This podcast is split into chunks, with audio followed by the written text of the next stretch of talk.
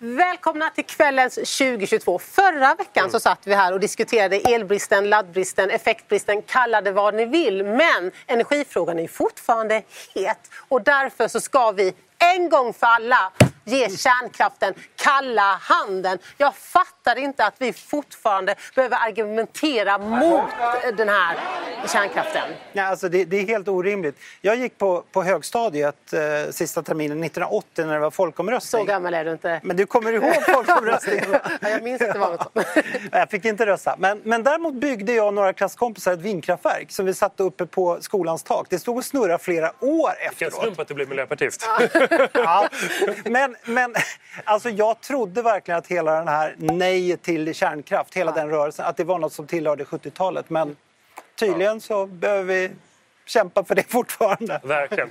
Och det som är lite förvånande det är ju att 2016, bara för några år sedan, så slöt ju regeringen en överenskommelse om energipolitiken tillsammans med Centerpartiet, Moderaterna och Kristdemokraterna där man kommer överens om att ställa om hela energisystemet till 100% förnybart till 2040.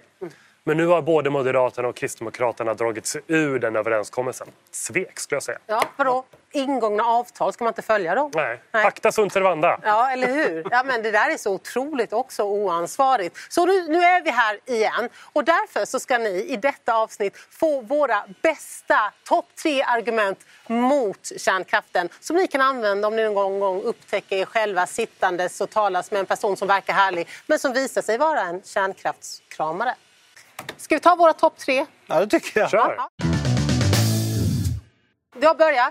Uranbrytningen. Det är ett av de främsta argumenten mot kärnkraften. Uran är en ändlig resurs, det vill säga den kommer ta slut så småningom om vi fortsätter att bryta den. Och den är dessutom farlig både för människor och miljö. Ja, och dessutom är det som så att när man bryter uran så frigörs radioaktiva gaser och radioaktivt damm som också kan bli kvar i gruvorna och riskera att läcka ut i ekosystemen. Mm. Och det, här, det här bidrar ju till stora hälsorisker mm. för människor. Och därför är det ju tyvärr så att uran ofta bryts i områden där det finns svagt arbetsrättsligt skydd eller där det lever urbefolkning. Som mm. till exempel i Niger, Australien och Kanada. Mm, exakt, och det här tycker jag vi tar upp alldeles för sällan. Det är förbjudet i Sverige att bryta och leta efter uran.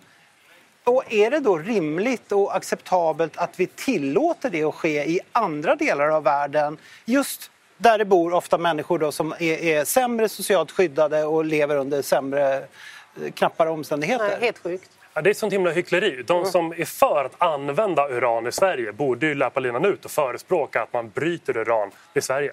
Men det gör de inte. I alla fall. Vidare till punkt nummer två.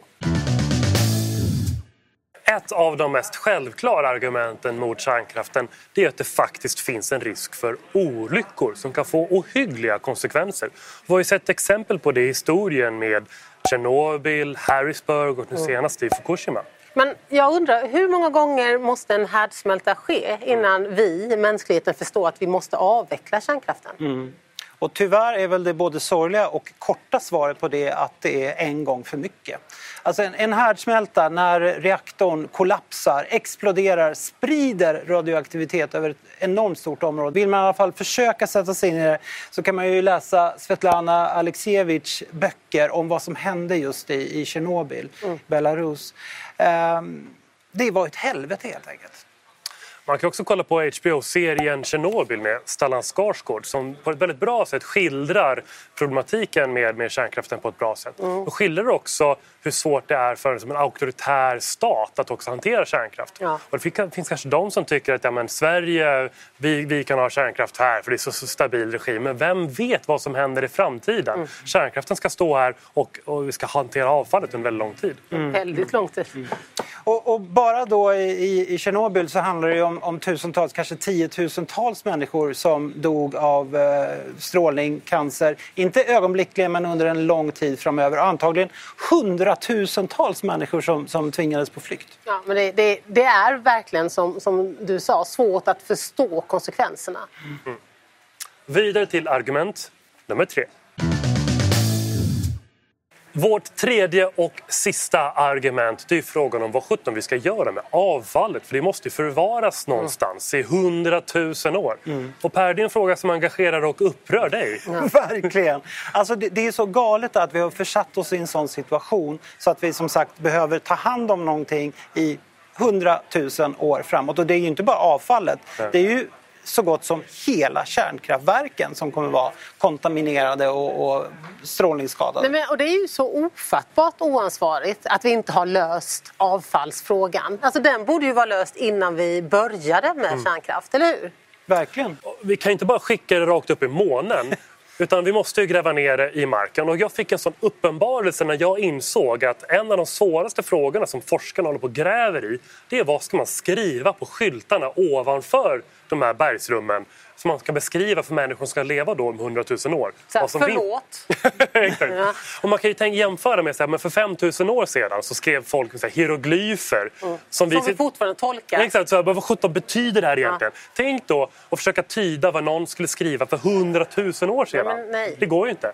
Och, och en annan aspekt när det gäller just att gräva ner det här avfallet som man nästan aldrig pratar om det är ju att det går åt såna enorma mängder koppar. Alltså bara för att ta hand om det avfall som vi redan har orsakat i Sverige så kommer det gå åt tiotusentals ton koppar.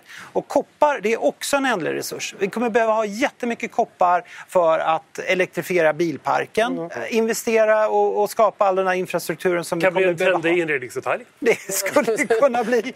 Alltså vi har så mycket nytta av koppar och andra ändliga resurser också så vi har helt enkelt inte råd att bara gräva ner dem i marken för att aldrig mer kunna använda det. Vi måste verkligen sträva nu så att vi får ett cirkulärt samhälle och aldrig glömma bort att om vi inte skapar ett hållbart samhälle då får vi faktiskt ett ohållbart samhälle. Att kärnkraftsfrågan får nytt liv nu, det är inte bara oansvarigt, det är osolidariskt, det är orimligt, det är ointelligent, det är ogenomtänkt. Eller hur? Verkligen. Och någon som verkligen har förstått det, det är marknaden. För det är lagligt att bygga kärnkraft både i Sverige, Europa och världen men ändå så byggs det väldigt lite kärnkraft just nu. För det är helt enkelt för dyrt. Istället, det som växer så det knakar, det är den förnybara energin som i dagsläget är hälften av all ny energiproduktion i världen. Det är helt fantastiskt egentligen. Ja. Exakt. Och högerkrafterna vill ju gärna flörta lite grann med klimatfrågan genom att säga att kärnkraften skulle vara den stora lösningen på, eh, på klimatfrågan. Och visst, om det stod ett antal kärnkraftverk och bara väntade och det var bara pang, ha på dem. Och om man dessutom valde att blunda för alla de här säkerhetsriskerna som vi har pratat om nu så kanske man skulle kunna resonera så. Ja, men Jag det- skulle inte göra det. Nej, och man kan inte det nu för att verkligheten är en annan. Och Exakt. därför blir det ju också så otroligt orimligt att Ebba Busch vill bygga upp och starta upp två nya kärnkraftverk. Jag menar, Som det... bäst är klara om mm, minst 20 år. Ja, men, ja, minst 20 år. Vi kan ta Finland som exempel. 2005 påbörjade de arbetet med sina kärnkraftsreaktorer. De är fortfarande inte färdigställda. Eller hur? Det går inte. Och det har blivit otroligt mycket dyrare än budget. Ja. Och så ser det ut i alla västerländska demokratier där man försöker. Eh, ja, ni har fått en massa argument av oss nu varför vi inte ska hålla på med kärnkraft helt enkelt. Ta med dem nästa gång ni, ni råkar eh, diskutera de här sakerna med någon kärnkraftskramare.